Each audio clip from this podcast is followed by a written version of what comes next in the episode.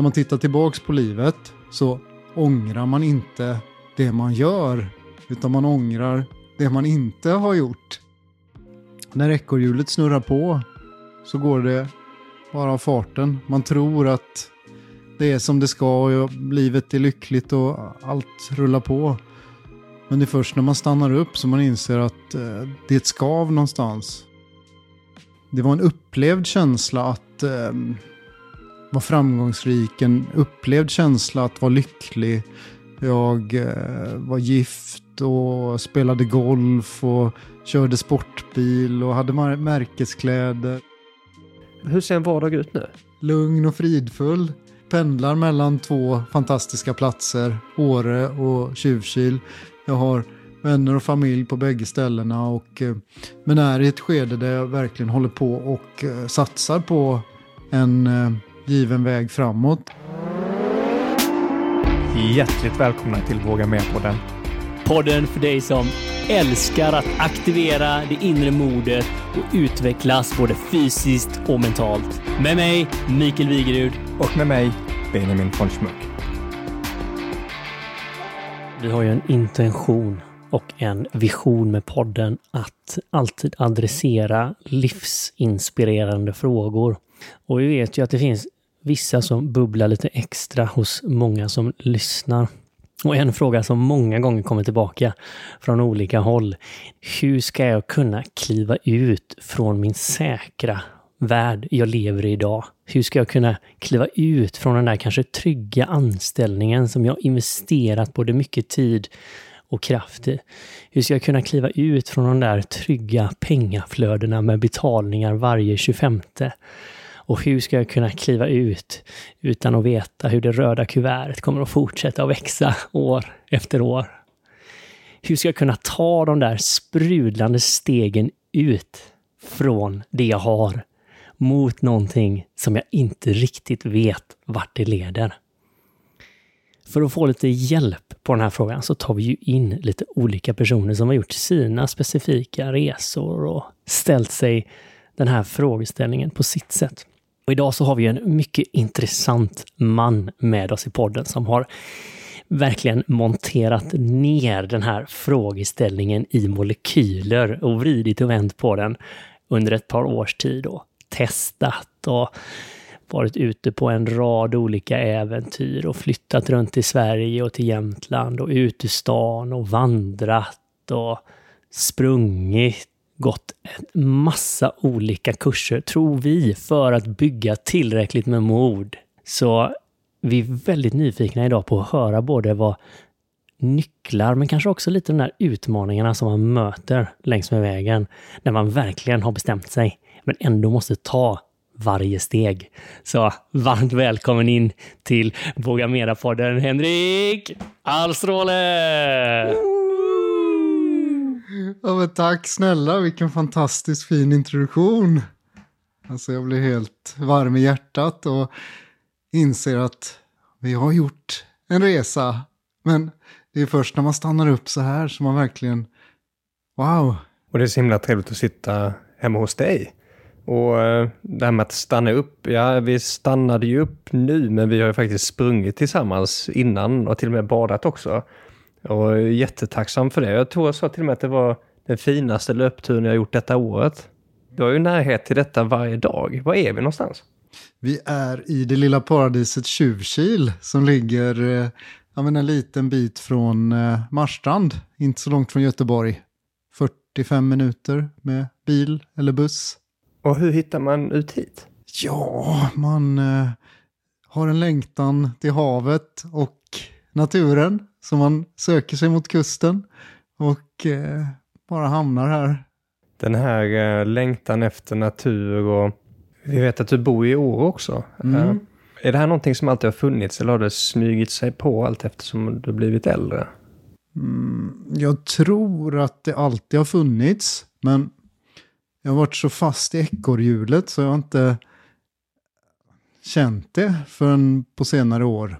När jag verkligen har satt mig i ett läge, eller satt mig på en plats där jag verkligen kan känna att någonting inte är rätt. Så när ekorrhjulet snurrar på så går det bara av farten. Man tror att det är som det ska och livet är lyckligt och allt rullar på. Men det är först när man stannar upp som man inser att eh, det är ett skav någonstans. Och det är då den stora resan börjar att, att hitta skavet och ja, men först förstå vad det är som jag vill förändra. Och då kan man börja göra resan när man har kommit på sitt utgångsläge. För det här ekorrhjulet är ju återkommande i podden eh, väldigt ofta. Mm. Vi har pratat mycket om det Mikael också med din transformation ut ur eh, ekorrhjulet. Mm. Jag tänker här, om du skulle beskriva när du var i ekorrhjulet, liksom hur, hur, hur var ekorrhjulet för dig? Jag tror att eh, det var en upplevd känsla att eh, vara framgångsrik, en upplevd känsla att vara lycklig. Jag eh, var gift och spelade golf och körde sportbil och hade märkeskläder och ja, men, objektivt så var jag lycklig. Men eh, inombords så kände jag ingenting. Så det var en konstant tomhet och en eh, längtan efter något annat. Men livet gick så fort så jag tror att jag eh, inte tillät mig att känna. Var det då en sån här karriär där man strävar efter pengar och status och alltså Mm. den biten? Ja, för att någonting som jag har kommit fram till är just att jag har hela tiden strävat efter att, att passa in och verkligen bli accepterad i olika sammanhang. Alltså om det är arbetsplats eller om det är kompisgäng. Eh, att man ska vara på ett visst sätt.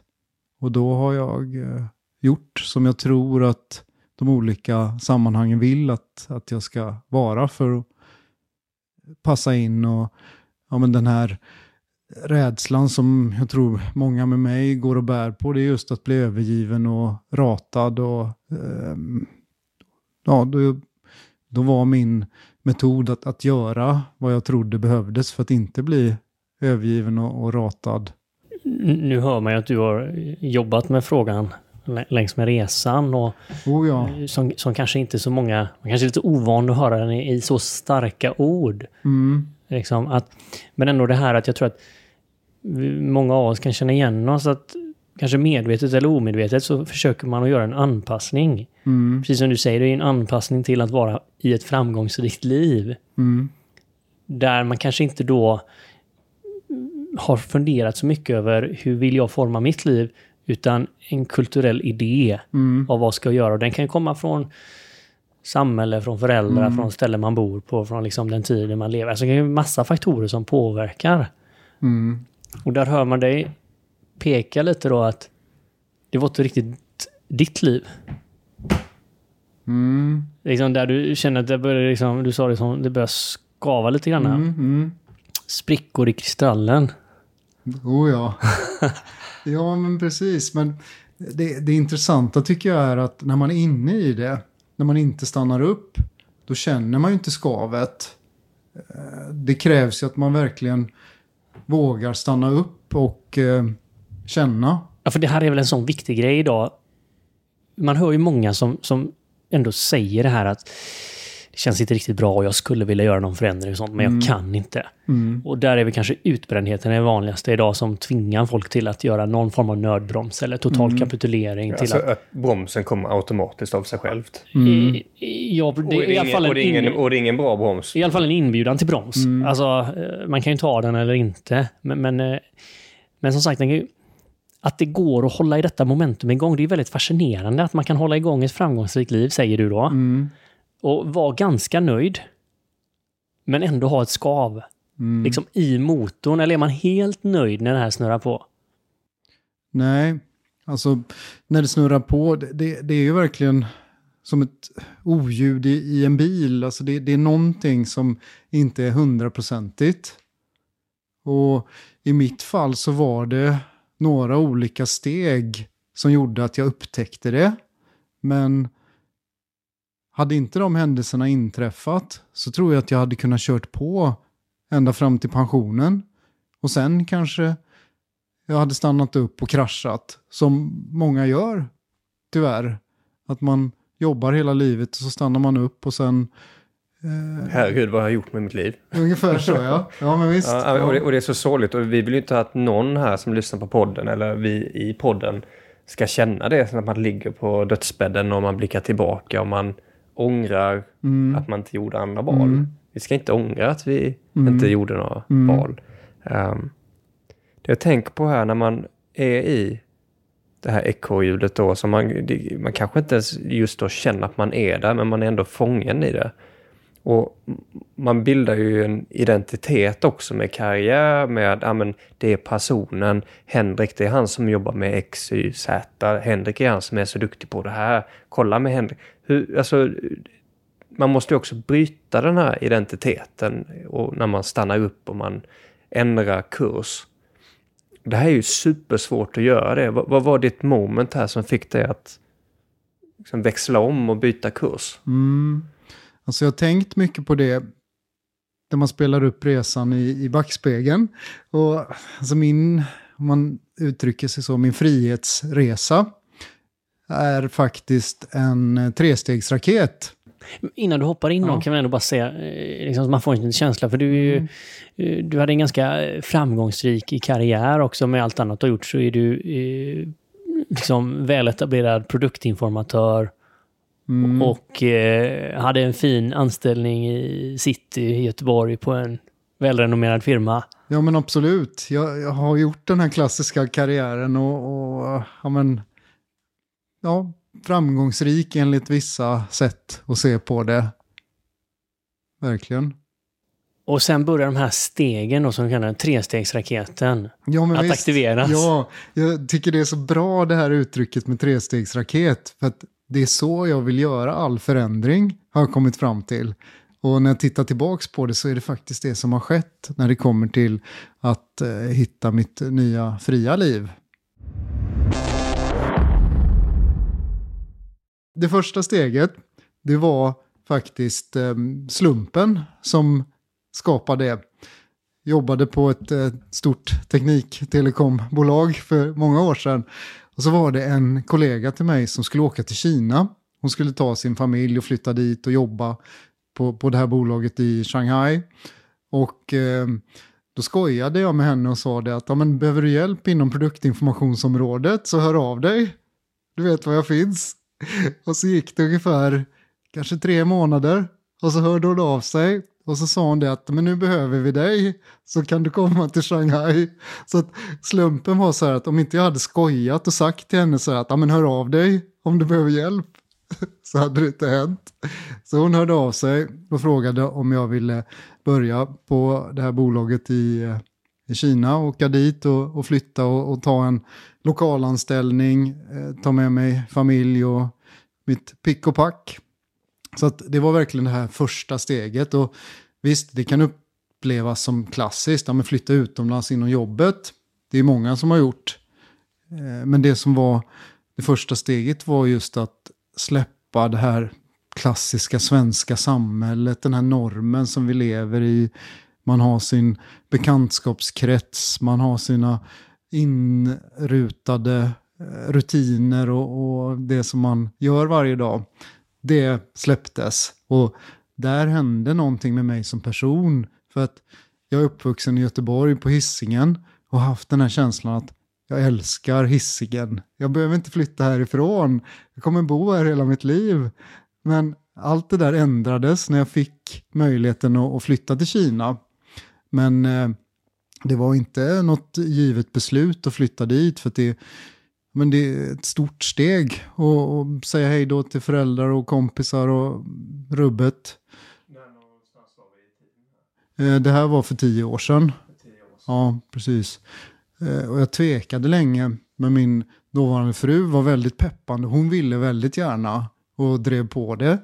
Men hon skulle följa med som eh, medföljande och kanske... Men vad häftigt ändå, ofta är det ju tvärtom. Ja. Men, men att kunna, jag menar du som är så rotad med då familj och platsen och hissingen, alltså det är ju extremt, jag kan verkligen känna igen mig i den beskrivningen. Mm. Jag, jag kunde nästan känna hur det var omöjligt att kliva ut ifrån den liksom delen som också är väldigt fin. Mm, Där man har blivit född mm, och mm. har sin, sina vänner och sin familj och sånt. Mm. Så. Och här har du då en fru vid detta laget då som, Mm. som sparkar dig lite i Ja, Vad fan, vi kör Henrik! Ja, Kom igen, det blir kul! Ja, så att, men på den tiden så var jag mer försiktig av mig och ja, men rädslorna är det såklart att, att kasta sig ut och men flytta till Kina och jobba på eh, ja, men en helt annan miljö. Och, ja. Men sen var det faktiskt ett möte med en gammal kollega som gjorde att jag fattade det slutliga beslutet. Och eh, hon sa till mig att ja, men, tänk så här, när man tittar tillbaks på livet så ångrar man inte det man gör, utan man ångrar det man inte har gjort i livet. Så då kände jag så här, ja just det. Och så sa hon också så här att, ja men tänk så här då, för att verkligen vara tydlig. Du vill inte stå på perrongen och se tåget åka bort därifrån och så är det så här, jag borde varit ombord på det här tåget. Så att den känslan blev så stark för mig att ja, men jag vill inte stå där på perrongen och se att tåget har åkt. Så att eh, då bestämde jag mig. För Jenny hon ville ju åka så att det, det var bara jag som tvekade. Så det här blev starten då, första steget i raketen och, och eh, ett uppbrott låter det som. Då. Alltså skapa dig frihet mot kultur, normer, alltså strukturer som man rör sig hela tiden, Mm. kalas man går på, vänner man träffar, Ja men visst, pubbar man går Mm. till. det var första steget. Och kom också ihåg då att vi bodde ju här i lilla Tjuvkil med 3000 invånare och skulle flytta till Shanghai med kanske 20 miljoner invånare.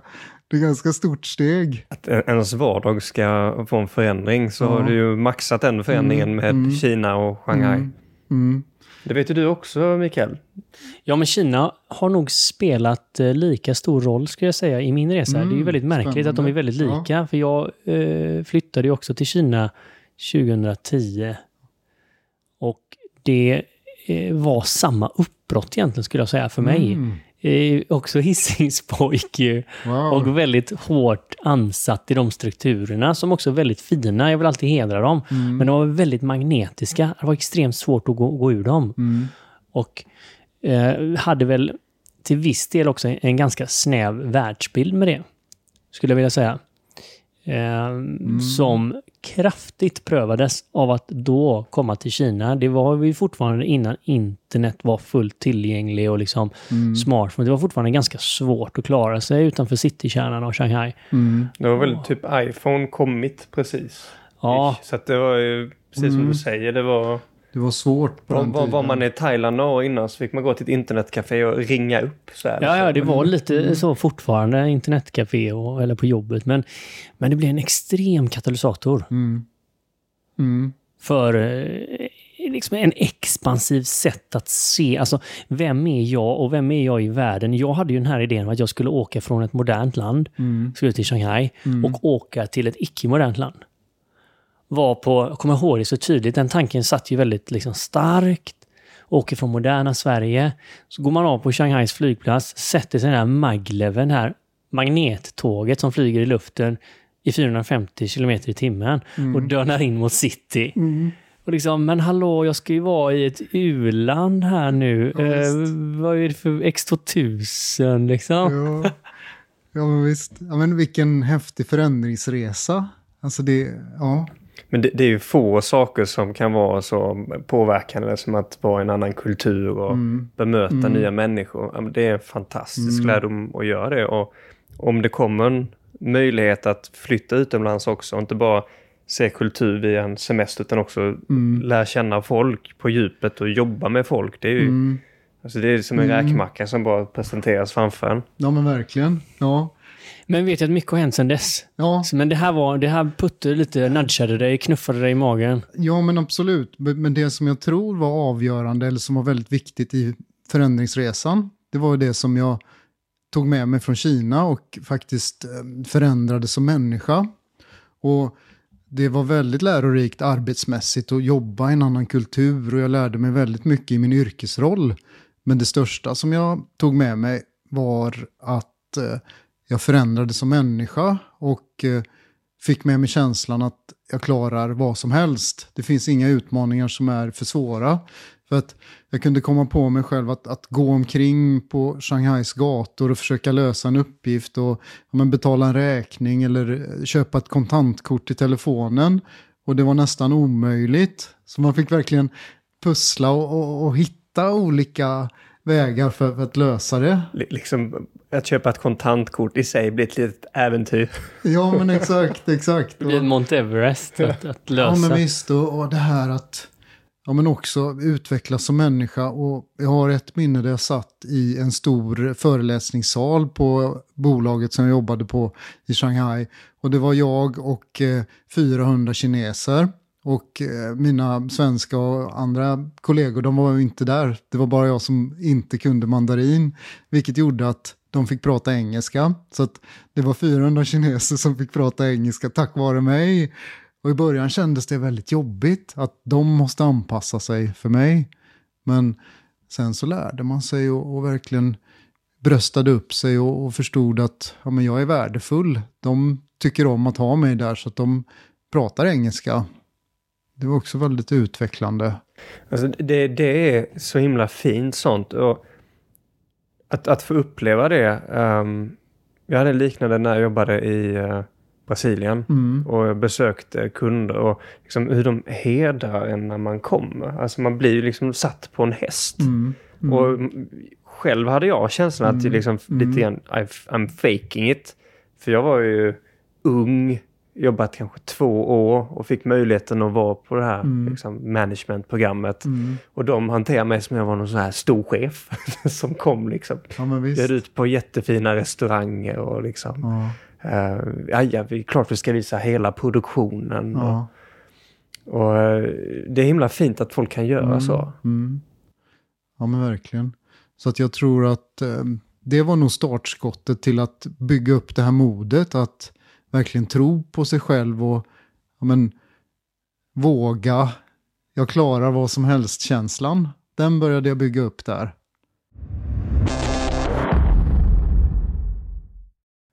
Ja, för sen har det här prövats lite mer och, och eh, du har mm. behövt att utmana med nya steg också. Eller nya raketer. Ja, men exakt. Andra steget i trestegsraketen. Och den var till en början väldigt eh, trist och eh, ja, men ledsam. För eh, samma stora bolag inom telekombranschen eh, som jag blev eh, ofrivilligt eh, uppsagd från. Det var tufft. Men det är en fruktansvärd upplevelse väl? Ja, till Som en början. alla borde få. Ja, men visst, till en början. Men så här med facit i hand så är det yrkesmässigt det, det bästa som har hänt mig. Att, och bli uppsagd. Och bli uppsagd där och då. Nej, men det var så här att jag har haft en lust inom mig att starta en egen verksamhet, alltså någonting entreprenörsmässigt inom mig har gått och, och Men det har varit en del av det här gnisslet va? Att, ja, men jag tror det. Mm. Mm. Att testa något eller gå sin egen väg eller göra ja. något utanför boxen. Ja, men exakt. Ja, men det, det har du verkligen rätt i. Och jag behövde en spark i baken. Så då kommer chefen och säger tack men...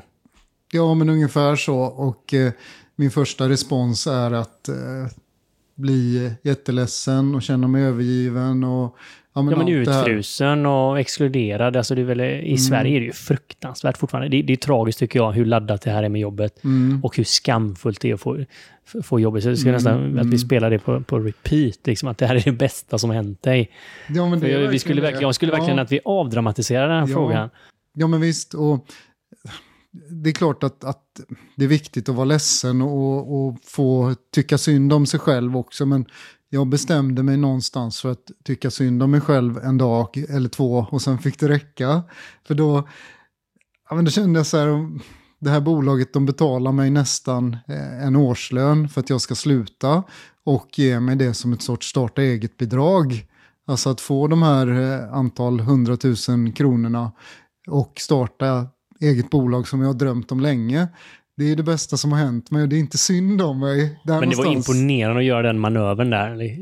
Det är ju lätt att fastna i deppigheten eller depressionen. Eller? Ja, men visst. Och, och, och det är inte så konstigt för jag tror att generellt så är man så associerad mm, till mm, sin personlighet mm. med vad man gör på jobbet. Istället mm. för att man beskriver vem är Mikael, han är vd på ett bolag som har hanterat konsulter och ditt och datt. Vem är Mikael? Mikael är den här personen som har så jäkla god energi och han är duktig på att lyssna. Det blir alltid ett lit- litet äventyr när man träffar Mikael. Det är så man vill bli Ja. beskriven och det är så man tycker jag, man ska ha liksom en identitet runt. Ja.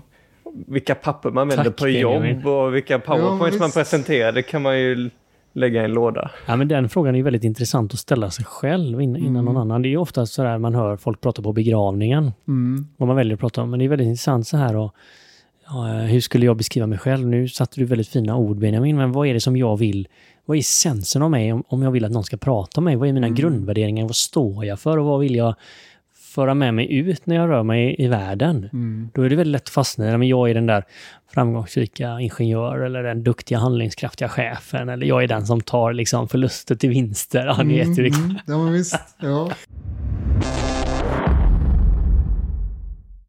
Nu fick jag ett gott eh, starta eget kapital och jag är fortfarande samma person. Jag har mina färdigheter. Jag ser den här stjärnan framför mig mot vart jag kan gå någonstans, vart min potential är. Och hur bör du då gå vidare mot den nu med det här kapitalet så att säga?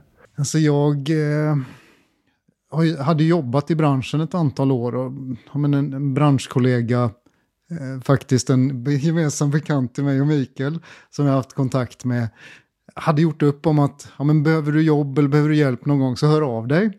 Och då tänkte jag så här att ja, men, nu ska jag flytta hem till Göteborg, för då jobbade jag i Stockholm. Nu ska jag ringa Håkan. Precis, det var det som var min tanke. Nu har jag av mig till Håkan. Så mässade jag Håkan, nu är jag på väg hem. Och sen ganska snabbt kom ett svar från Håkan. Nej, det ska du inte alls. Du ska stanna kvar i Stockholm för jag har ett jättebra uppdrag till dig. Så att eh, på den vägen var det. Då hade jag min, eh, mitt avgångsvederlag och eh, fick ett nytt uppdrag inom teknikbranschen, produktinformation, drömuppdrag faktiskt. Så att jag blev kvar i Stockholm och körde på med verksamheten och verkligen eh, kunde ha min frihet och eh, ja, men leva min entreprenörsdröm För då gjorde du det här i egen regi i egen då? regi. Så då, då öppnade du ett bolag då. Mm, mm, Ja. Precis. För eh, när, när någonstans känner vi att det här ekorrhjulet, att du hoppar av ekorrhjulet, är det nu med den här uppsägningen? Eller skedde det redan innan i Kina? För Kina var ju Ja, fortfarande vi får nog åka, anställd. lite, får nog åka med en liten bit för att Det här här. var fortfarande samma ekorrhjul. Ja. Men Frihetsresan var startad på så sätt att jag var egenföretagare, jobbade Mm. ihop med ett antal olika bolag, eh, kunde fakturera ganska bra pengar. Med fördelen när man är egen, då kan man välja vilka kurser man vill gå, vilka investeringar man ska göra och ja, men helt enkelt eh, och man får lite mer så här kunskap om de här magiska grejerna man kan göra som egenföretagare. Jo, men framförallt handlar det om att, att skapa sin affärsplan så att du kan leva ett, ett bra eh, liv också. Och det var det som hände som nästa steg på min eh, frihetsresa och eh, kanske det, det tredje och det viktigaste steget i, i raketen. Och det var just att eh, jag började springa. Och det var helt enkelt uppe i Stockholm, jag var superstressad, jobbade som projektledare, eh, jobbade väldigt mycket och hittade en löpgrupp i Stockholm som eh, eh, passade mig perfekt. Körde en nybörjarkurs, man stack ut och sprang i skogen en timma varje måndag där jag verkligen kunde slappna av, hittade min ventil och återhämtningsmetod. Så att där någonstans började det på riktigt.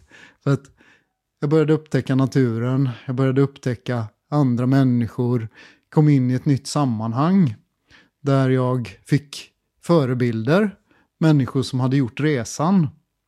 Så att det tredje och viktigaste, viktigaste steget, det var just att, utan att jag själv visste det faktiskt, men att sätta mig i en miljö med likasinnade som inspirerade mig att ta klivet.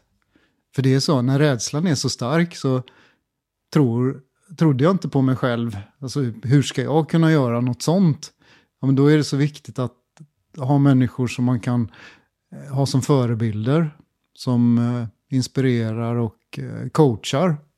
Ja, för, för där har du ju plockat in många av landets starkaste profiler inom nischade grenar som naturupplevelser, löpteknik, fotspecifika träningar eller vad, vad ni kallar Ja, det. Du är ju idag väldigt bred och Mm, mm. det är väl en ny liksom, vision som lyser kring dig nu med Ta oss med lite grann. Vad, vad är det, hur, hur vill du att det ska se ut nu framåt i ditt liv? För du har klippt Mm, en sträng nu mm. precis igen. Va? För det är ju intressant när man klipper eller man skjuter raketer så här. Va? Mm, mm. Att man har skjutit en och då får man skjuta en till.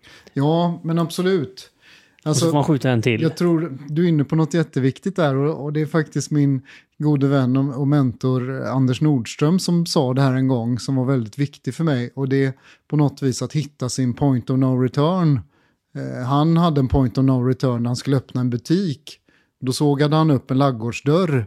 Då kan han inte komma till butiksägaren och säga att nej jag struntar i det för han hade sågat upp ett hål i dörren. Så då gick jag och funderade väldigt länge på det att ja, men, jag måste ta klivet så att jag hittar min point of no return så att jag inte kan backa tillbaka till ekorrhjulet. Och för mig var det då när jag hade haft det här uppdraget på Atlas Copco i Stockholm och inte hade något mer uppdrag. Då var min point of, point of no return att tacka nej till uppdrag. Jag hoppar inte på någonting. Jag står här, kastar mig ut, har ingen inkomst, har ingenting att göra. Där var jag någonstans.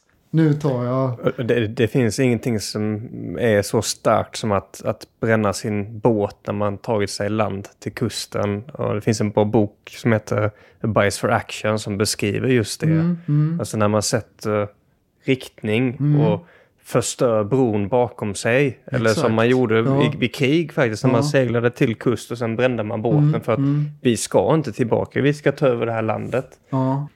Så det var en point of no return för dig. Exakt. Och jag måste fråga det här också för att det, det är lite klassiskt när man pratar om det här att man startar eget och man, Mm. man målar upp det här att driva eget som Mm. att det är fantastiskt och att Mm. frihet och man sitter bara på kafén och pillar lite på en Macbook och har goa mysiga kläder på sig. Det, det finns ju lite grann en Mm. Ja, förskönad bild av det här. Ja. Och, och det finns en baksida som antagligen kan hända för väldigt många. Att det går från att man kanske har haft ett jobb innan som har varit lite 8 till 5 till helt plötsligt börjar man jobba nästan hela tiden. Och man har svårt att hålla vilka tider är jobb och vad det är mitt privatliv och inte privatliv och så här. Vad hände för dig där nu innan du började tacka nej till eh, uppdrag? Ja, men entreprenörslivet var ju väldigt eh, hektiskt och väldigt mycket arbete. För att man kommer ju in i någon sorts ja, men loop att ja, men man vill jobba så mycket som möjligt för att leverera så mycket värde som möjligt till kunderna. Speciellt när jag jobbade i en konsultbransch och hade ett ganska ja, men, viktigt uppdrag att leverera, leverera, leverera. Så att eh, någonstans så, så rycktes jag in i det. Men jag hade inget skav längre. För jag jobbade för mig själv. Jag var till viss del fri. Är inte det en fälla också då? Att man tänker att jag jobbar för mig så det blir mina pengar men man slutar med att man jobbar väldigt mycket bara. Mm, mm. Jo, men absolut. Jag kom in i det där. Och där hade jag nog haft samma skav. Alltså det hade kommit tillbaka tror jag. Om jag inte hade börjat springa, träffat de här personerna som hade gjort resan. Den här killen Anders exempelvis, han har gjort en, en liknande Ja, resa. har man inte kollat honom, det kan vi ju säga, så är det en kille som man bör kolla upp på Instagram. Absolut, Fot-Anders. Ja. Ja, visst. Ja, men Och förra avsnittet var ju om fötter. Ja, så, men så, precis. så lyssnar ni på Rasmus som är också lite ledande i landet så är ju eh, Anders också en av de kanske äh, absolut och fötter vassaste. kommer att vara ännu mer återkommande inom... Ja, ja, vi ska ju komma tillbaka till det för det är Mm, livsförändrande precis som du säger. Ja, men där, visst. Ja. ja, men verkligen. Ja, men det, det som eh, var just den stora förändringen var att jag, ja, du var inne på det just med sitt eget bolag och man kan ju skapa eh, affärsplanen och där förde jag in ett nytt ben. Alltså jag jobbade med produktinformation, konsulting. Men det nya blev också att jobba med event och friluftsliv, utbilda mig inom det. Så att bolaget blev strukturerat med, med två ganska olika verksamhetsområden. Men där blev ju också en möjlighet för mig att leva det fria livet och jobba vissa projekt inom produktinformation och sen växla över och jobba inom event och friluftsliv. För där har du väl liksom, när du pratar om dina vandringar i de jämtländska fjällen Mm, eller mm. eh, hur ni arrangerar fjällmaraton varje år eller liksom något av de här Ja, naturupplevelserna så känns det som det kommer en krispighet strålande Mm. från dig. Ja, men verkligen. Det är det jag brinner för mest. Alltså jag tror också, men, och det är också tredje steget på trappan, eller kanske fjärde då, men det var en trestegsraket. så att, Men jag att det, det, den, det är väl det som är det coola, va? Det, när man väl har gett sig ut så tenderar det Ja, att men skjuta visst, mer raketer. Ja, en Ja, men bonusraket. visst. Men det var just löpningen. Och, alltså, det, mitt starkaste råd är just att sätta sig i en miljö eller en, en sorts eh, omgivning där man kan inspireras av andra. Och ja, vara helt öppen med att jag finns här, jag är tillgänglig. Behöver du hjälp så säg till. Det är så fint du säger det och man är som man umgås. Och det är Exakt. verkligen sant. Mm. Och att försöka vara någon annan men inte ändra vem man kanske umgås med. Speciellt om man kanske umgås i ehm, relationer som man känner inte är rätt för en. Mm. Eller att man vill vara någon annanstans. Låt säga jag, jag vill vara en löpare men jag umgås bara med folk som går på after work. Mm. Då är det väldigt svårt att vara löpare. Mm, Men att hitta då och få personer som kan bli lite grann av ens egen katalysator. Mm, mm. Det är ju där Ja, magin visst. händer. Ja, men verkligen. Och eh, jag har, ett sånt bra citat på, på hjärnhinnan som jag gärna vill dela med mig av. Och det är min eh, inspiratör och eh, guru Olof Rolander som ni kanske känner till. Han säger mycket klokt, men det här är ett av hans finaste citat och det är just att eh, fel tåg kan ta dig till rätt station. Och det är inne på det som du säger, där, att ja, men, man vet aldrig vad det leder till. Alltså man, man kan vara i en miljö och så är det olika händelser och tillfällen som gör att du hamnar rätt till slut. Eh, du är ju ett levande exempel på det, för du berättade ju här innan när du på skoj berättar för din kollega, ja men se till om du behöver, behöver ha hjälp i Kina. Ja men verkligen. Och att, att man eh, strör ut lite grann så här, Ja. lite sin intention. Ja. Nu kollar jag lite emot Mikael nu som sitter med ett härligt leende på läpparna. Och Mikael, du har en intention nu att hitta en bit mark och kunna bygga en ordentligt god yogastudio. Det gäller ju bara att strötsla lite med det så kommer det hända. Ja, jag viskade en hemlighet lite så i förtroende till herrarna innan mickarna sattes på. Så det var ju väldigt vänligt Benjamin att du hjälpte mig nu att Ja. stå i det. Så att, eh, jo, men det är absolut sant att jag hoppas att inom några år kan bygga ett utbildnings och eh, retreatcenter på en eh, fin plats inom en timme, kanske 45 minuter från city, Mm. Göteborg, där man kan komma och boosta sig med ny kunskap och kanske påskynda en sån här process. Mm. Att om den har tagit tio år för, för dig Henrik, och, så, så kanske andra Mm. kan ta ännu mer lärdom snabbare och få mer tekniker och bli ännu bättre på att justera in mot sina egna liv snabbt. Mm. Det är ju det som jag kanske har tränat allra mest på och fortsätter att göra egentligen med min resa och all min tid i Indien och med Mm, yogan som mm. ett fantastiskt stödverktyg till detta.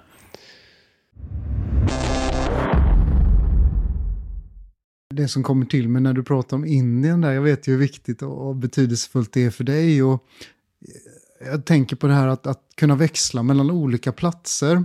Alltså du har ju Göteborg, Björke, Indien. I mitt fall så har jag Tjuvkil, havet, klipporna, löpning här. Och så har jag det underbara Jämtland, Åretrakten, södra Årefjällen. Alltså att växla mellan det, det är också någonting som har varit väldigt värdefullt i min frihetsresa. Att eh, ja, men, det är tufft att göra frihetsresan och när energin tryter och inspirationen tryter, ja men då har lösningen för mig varit att byta miljö. Självanalytiskt så kanske det är någon form av flyktbeteende, men det är också ett sätt att boosta sig när kraften inte finns längre. Att byta miljö. Det är fint att ge det, det också, för att Mm. det är lätt att man glorifierar och så har man bara klivit ut, har man bara sagt till chefen att man säger upp sig, så Mm. är, det, en dans. Men, men det är ju eh, lite mer som att gå, det är ju ingen motorväg att vara på sin egen resa. Det är ju mer som att gå i djungeln med machete. Mm. Och liksom ibland kommer det träd också och då är machete ett väldigt dåligt verktyg. Då hade man gärna Och den här kompassen den funkar inte heller.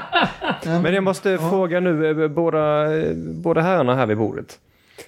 Det här med eh, att byta plats. Alltså, jag hörde ju innan, det du beskriver du Henrik är ju att när jag känner när energin inte finns där, ja, då flyttar jag upp till eh, Åre, Mm. där jag har Mm. nästa ställe. Och det låter ju inte alls som hur du var innan. När du, innan du var på väg ut till, till Kina. För då Nej. behövde du ju inte... Liksom, Skulle bara vara på Hisingen. Ja, ja, du på behöver inte ens åka in till stan då ju. Ja, men visst. Nej, men- Så att det, det, är liksom, det är en helvändning där ju. Ja, Hur kommer det sig att du liksom har hittat det här att, att kunna boosta energi och motivation att byta plats? Ja, alltså jag tror att det har växt fram.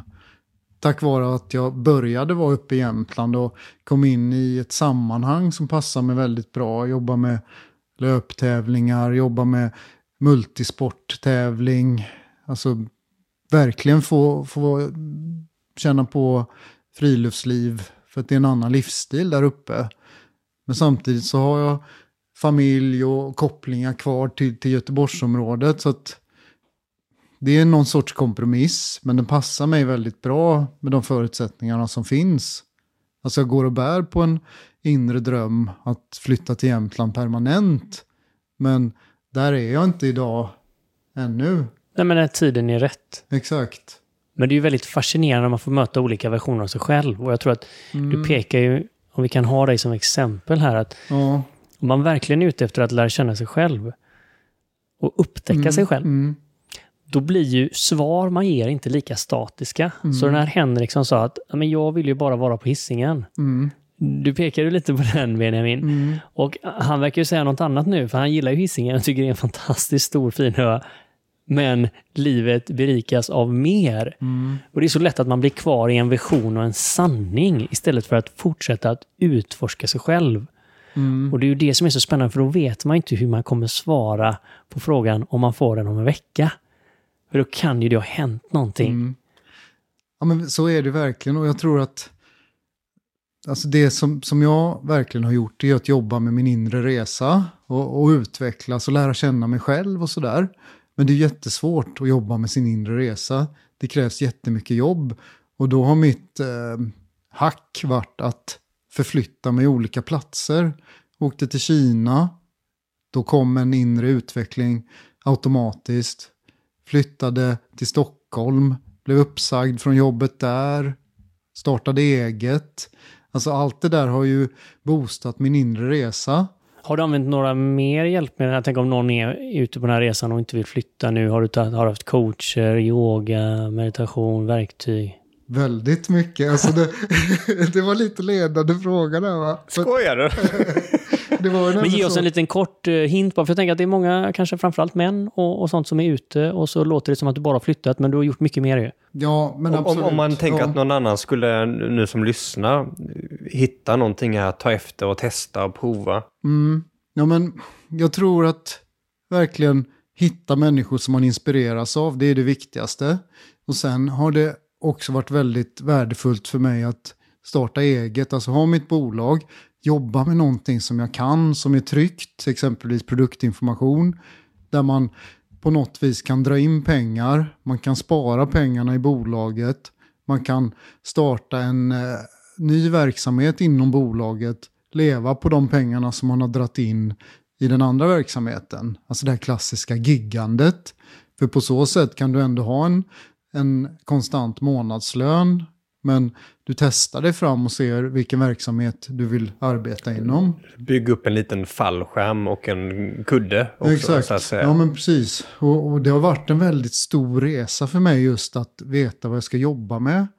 En period jobbade jag bara med produktinformation. Sen så utbildade jag mig till löp och rörelsecoach. Ja, då också hos eh, Anders Nordström, Fot-Anders. Och hade verkligen tänkt satsa på att bara jobba med, med löpning och rörelsecoaching och, och hjälpa människor. För att jag har någon sorts eh, om en kall inombords att jag vill hjälpa människor. Men så insåg jag att det är väldigt krävande att, att jobba och, och bygga upp det varumärket så pass mycket för att kunna leva på det. Eh, och, och sen även om jag skulle lyckats med det så då skulle jag jobba med att, ja, men kanske från 8 till 5 jobba med, med fotanalyser och fot, eh, eh, Eh, ja, men inom fötter helt enkelt. Och det är visserligen lockande, men då skulle man nog tröttna på det också. Så att det jag har landat i nu, här och nu, är just att ja, men ta projekt inom produktinformation, jobba med löp och rörelsecoaching, jobba med marknadsföring inom löptävlingar och event. Och på så sätt boosta mig hela tiden. Så att det är nog det som är mitt eh, starkaste råd. Att på något vis skapa en yrkesvardag där man kan prova sig fram. Anledningen att du kan välja och säga så att inte bara 8 till 5 när det Mm, kommer till fot, det är för att du har en tydlig eh, värdegrund mot vad du vill någonstans och att Mm. friheten här är så pass viktig för dig. Mm. Eh, vad är det mer som du anser är liksom de, de här, vad är det du värderar när det kommer till både liv och arbete och hur det hänger ihop? Ja, men det som har växt fram det är just eh, värdesätta tid med familj, vänner, men också egen tid. Att eh, kunna sticka ut och springa eller vara ute på fjället. Ja, men det här klassiska att man måste planera in och ha semester bokad och allt sånt. Det är väldigt värdefullt och spontanitet tror jag kan koka ner det i att eh, verkligen kunna följa hjärtat. Men det hörde vi också i den här eh, blandningen som det börjar bli. Det är inte ett recept exakt som någon annan har gett, utan nu säger du så här ser min kompott ut just nu. Mm, mm, Och hjärtat ska guida mig och jag ska testa. mm. Och då vet jag inte riktigt. Nej, men visst. Och, och den Ja. läskigheten. Ja, ja men jag, jag kom på en sak till som är väldigt viktig på något vis. Och det är verkligen att våga gå sin egen väg, såklart. Och i mitt fall så är det så här att alla företagscoacher och alla varumärkesexperter, de säger så här, ja, men hitta din nisch, håll dig till ett spår och verkligen var tydlig med det. Medan jag är ju väldigt spretig av mig, jag provar mig fram hela tiden, vilket kan vara stressande för, för folk i min omgivning. Men jag har verkligen kommit fram till att min nisch, det är att inte ha någon nisch. Och det, det, det är en myt det här. Mikael och vi pratade om det i bilen också på Ja. väg hit. Att vara supernischad på någonting. Världen går mot tvärtom. Mm. Och man kan dra så mycket lärdom.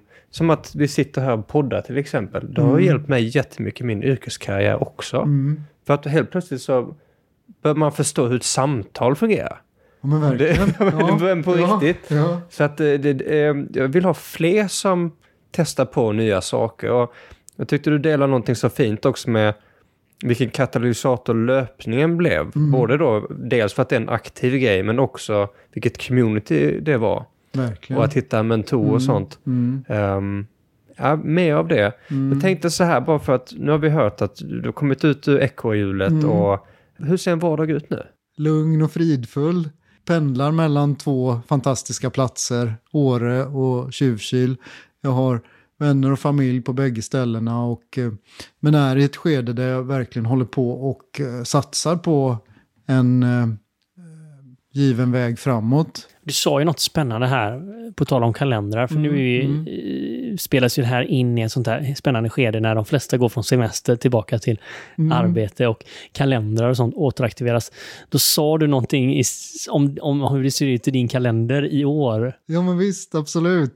Och jag hade två aktiviteter inplanerade. Dels var det att åka till Balkan och vandra. Och dels var det att jobba med fjällmaraton.